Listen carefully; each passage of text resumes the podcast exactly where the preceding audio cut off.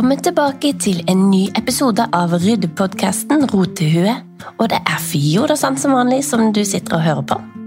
I dag så skal vi snakke om noe som vi sier vi har for lite av, men i virkeligheten så har vi fått det fordelt helt likt, nemlig tid.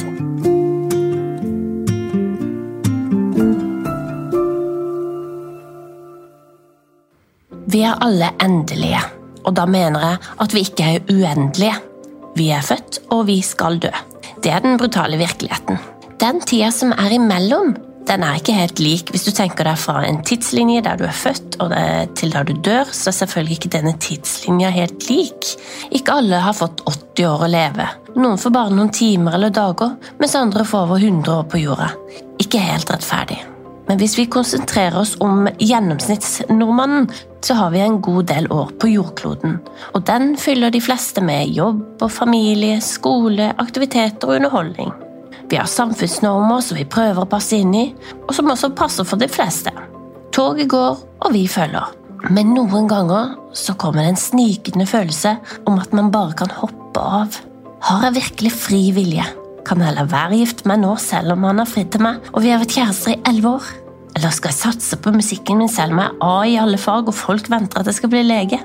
Jeg vet ikke om du har sett filmen Verdens verste menneske, men Julie i filmen hun vil ikke følge alle andres forventninger og ønsker å prøve å finne sin egen vei frem i livet ved å prøve og feile. En ting som er sikkert, er at tid er verdifull både for fattig og rik. Og døgnet har jo 24 timer uansett hvor mye penger du har. Tid er penger, sier de rike, men tid er jo så mye mer enn det. Tid er jo selve livet, og tid er akkurat nå. Problemet med tid er at vi er så opptatt av tid som ikke finnes. Vi er opptatt av fortiden, og vi er opptatt av fremtiden. Og vi glemmer av og til å være i nåtiden. Vi er ofte på en flukt bort fra den, og med det mener jeg at vi ofte tenker åh, skulle ønske det var sånn og slik, eller det var mye bedre før, når det var på den måten. Fortiden er jo historie, og fremtiden det er en slags forestilling eller en drøm eller en visjon om noe som skal skje, og av og til bare en fantasi. Det er ikke egentlig tid som teller, og valgene du gjør, de gjør du alltid nå. Det er i nåtiden du endrer fremtida eller bearbeider fortida. Og vi gjør alt vi kan for ikke forholde oss til nåtiden. Vi fisker opp mobilen og drifter bort eller setter på en serie og lar tankene fokusere på andre ting enn oss selv og det rundt oss. Tid er viktig, men hvorfor tar vi ikke mer vare på den virkelige tida, som bare kan være nå? Jeg lurer på hvorfor det er så vanskelig å forholde seg til seg sjøl og den tida vi er i. Dette er litt filosofisk, men jeg føler at eh, jeg har blitt dårligere og dårligere til å ta vare på nuet, da, som jeg så fint kaller det, og erstatte øyeblikket med en eller annen duppeditt. Så det viktige spørsmålet jeg har rydda opp i, er hva bruker jeg tida på, og hva vil jeg bruke tida på? Ok, gjør gjerne som meg. Skriv ned en liste. Og har du ikke allerede kjøpt en notatbok du kan ha med deg, så anbefaler jeg deg det. Det er noe med å skrive for hånd istedenfor å skrive på mobilen der du får varsler og avsporinger hele tida, men faktisk ha en blyant og en notatbok. Det å rydde opp handler om å rydde opp i både hjem, regnskap, relasjoner, tanker og tid. Og nå som jeg har rydda opp i økonomien, er det utrolig å se hvor mange lekkasjer jeg har. Det samme gjelder tid. Jeg kan ligge en time og scrolle på kvelden og morgenen. Altså meningsløs scrolling. Og tidligere har jo dette fått meg til å kjøpe forskjellige ting. Nå har jeg klart å unngå det, men fremdeles så tar jeg opp mobilen og scroller lenge og vel. Og hvis du spør meg hva jeg har sett på, så kan jeg faktisk ikke svare det. Jeg kan ha brukt en time på å se på Tiny House eller Camping Hacks eller noen kjendisgreier. Jeg kan bruke fem timer på en søndag på Netflix. Og jeg kan bruke tid på å irritere meg over et nettroll eller en bekjent som jeg føler ikke liker meg, og som jeg absolutt ikke burde tatt tida mi.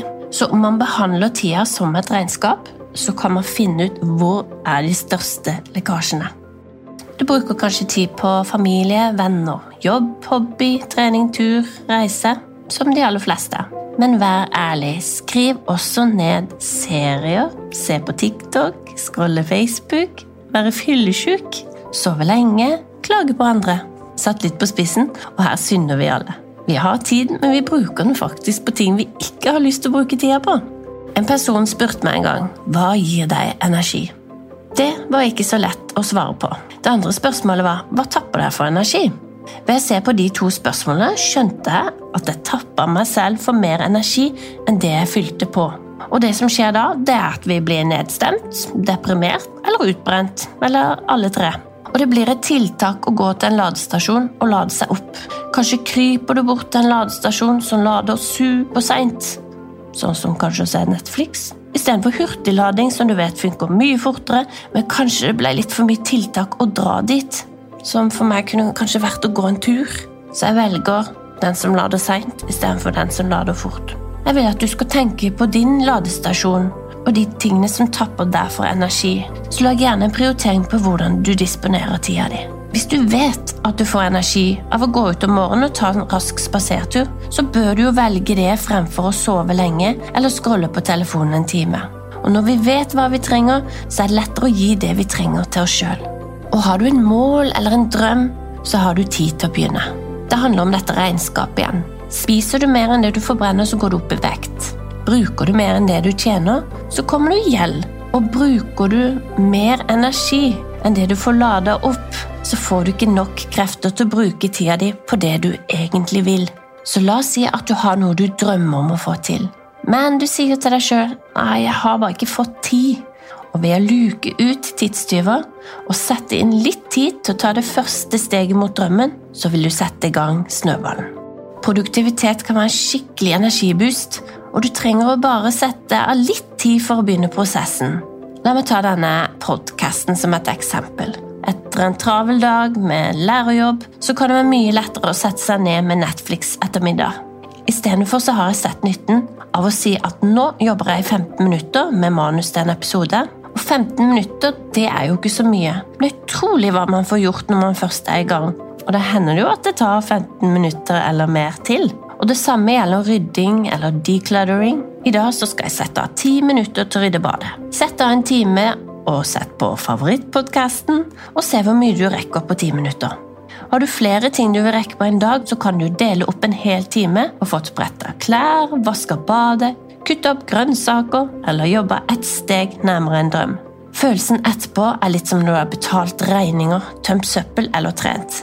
Det er en deilig følelse og noe man aldri angrer på.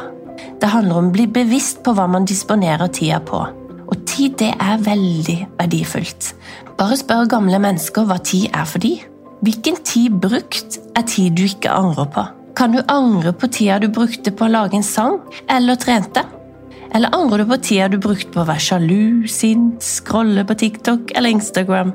Det betyr ikke at vi ikke skal koble av og slappe av innimellom. Det betyr bare at vi skal være mer bevisst på hvordan vi slapper best av, og hva som gir oss noe. Hva er det som lader oss opp igjen?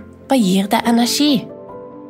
I neste episode, og siste for denne sesongen, så skal vi se på konkrete tips til å bli mer produktiv og få mer ut av hverdagen.